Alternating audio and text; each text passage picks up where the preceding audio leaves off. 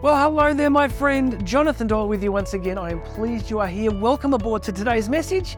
Please make sure you subscribe to the channel. Go and hit those links under here.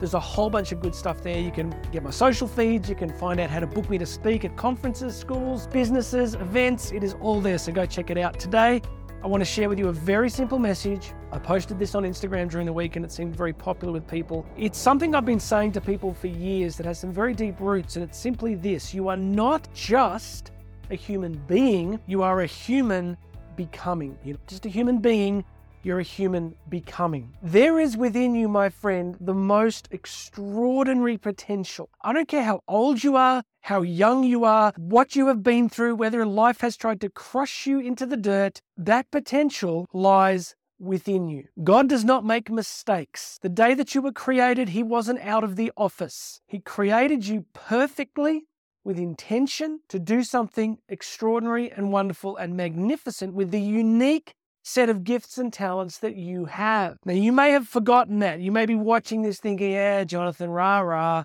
You're telling me I can do anything. I am not telling you that you can do anything because you can't do anything. I think basketball is a really fascinating game. I'm never playing in the NBA, friends. I can set a goal. I can have an intention. I can pray. I can practice. I can't do everything. I'm not playing in the NBA. There's an enormous number of things in this life that I will never do, but there are some things that I can do. For example, speaking on stage, creating content, coaching people, helping people is something that I do. So this potentiality has always existed within me. Often on stage, I tell the story of when I was like five years of age. I used to make my family sit down and I would get socks and I would do sock puppet shows for them. And they had to sit there on the couch and they had to look like they were enjoying it. So, right from the age of five, that sort of potential was there. So, you and I are different, right, in some sense, because we've got different gifts and potential. But what makes us the same is the possibility that we can develop and hone our potential to do really cool things in the world. So, what shapes us into human becoming? What's the essence of this potential and how do we actualize it? That's the technical term. How do we actualize what we could be into the world?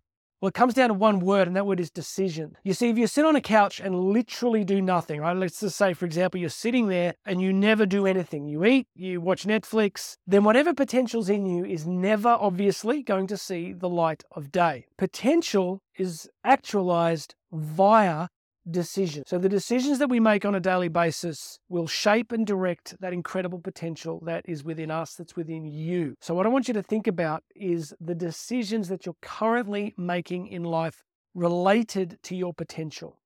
What's your skill set? Everyone watching this has some unique skills, attributes, talents, abilities. And if you're watching this thinking you don't have them, you do. And you know you do. And one of the ways you can figure them out is just ask yourself, what have people always told you that you're naturally good at? Are you caring? Are you a great speaker? Are you a good coach? Are you a great cook? Are you a good administrator? Those things will always have been there. Ever since you were young, people will have noticed and recognized that you were good at some specific things. Now, the pain of life, the sufferings and setbacks and rejections and hurtful comments may have buried that, but I don't care if it's buried it for 10, 20, 30, 40, 50 years. It doesn't change the fact that it's still there. And all you have is today. And then if you wake up tomorrow, you get another today. So the magic in life comes from the decisions you make today. What you eat, what you read, what you watch, what you say, the choices you make to do things, to, to be a part of things with a good, positive, growth mindset rather than just sitting back passively accepting the same thing over and over again. Einstein didn't become Einstein through passivity. Mozart, Joan of Arc, all the greatest men and women in history became who they became through decision. Mother Teresa, you know, made decisions to be in India. You know, she grew up in Central Europe. She made decisions to focus on particular things. She made decisions to listen to those inner promptings. And each of those decisions cumulatively create a reality that can really transform the world. So we're not just human being, we're human becoming. So can I ask you today, what decisions are within your power?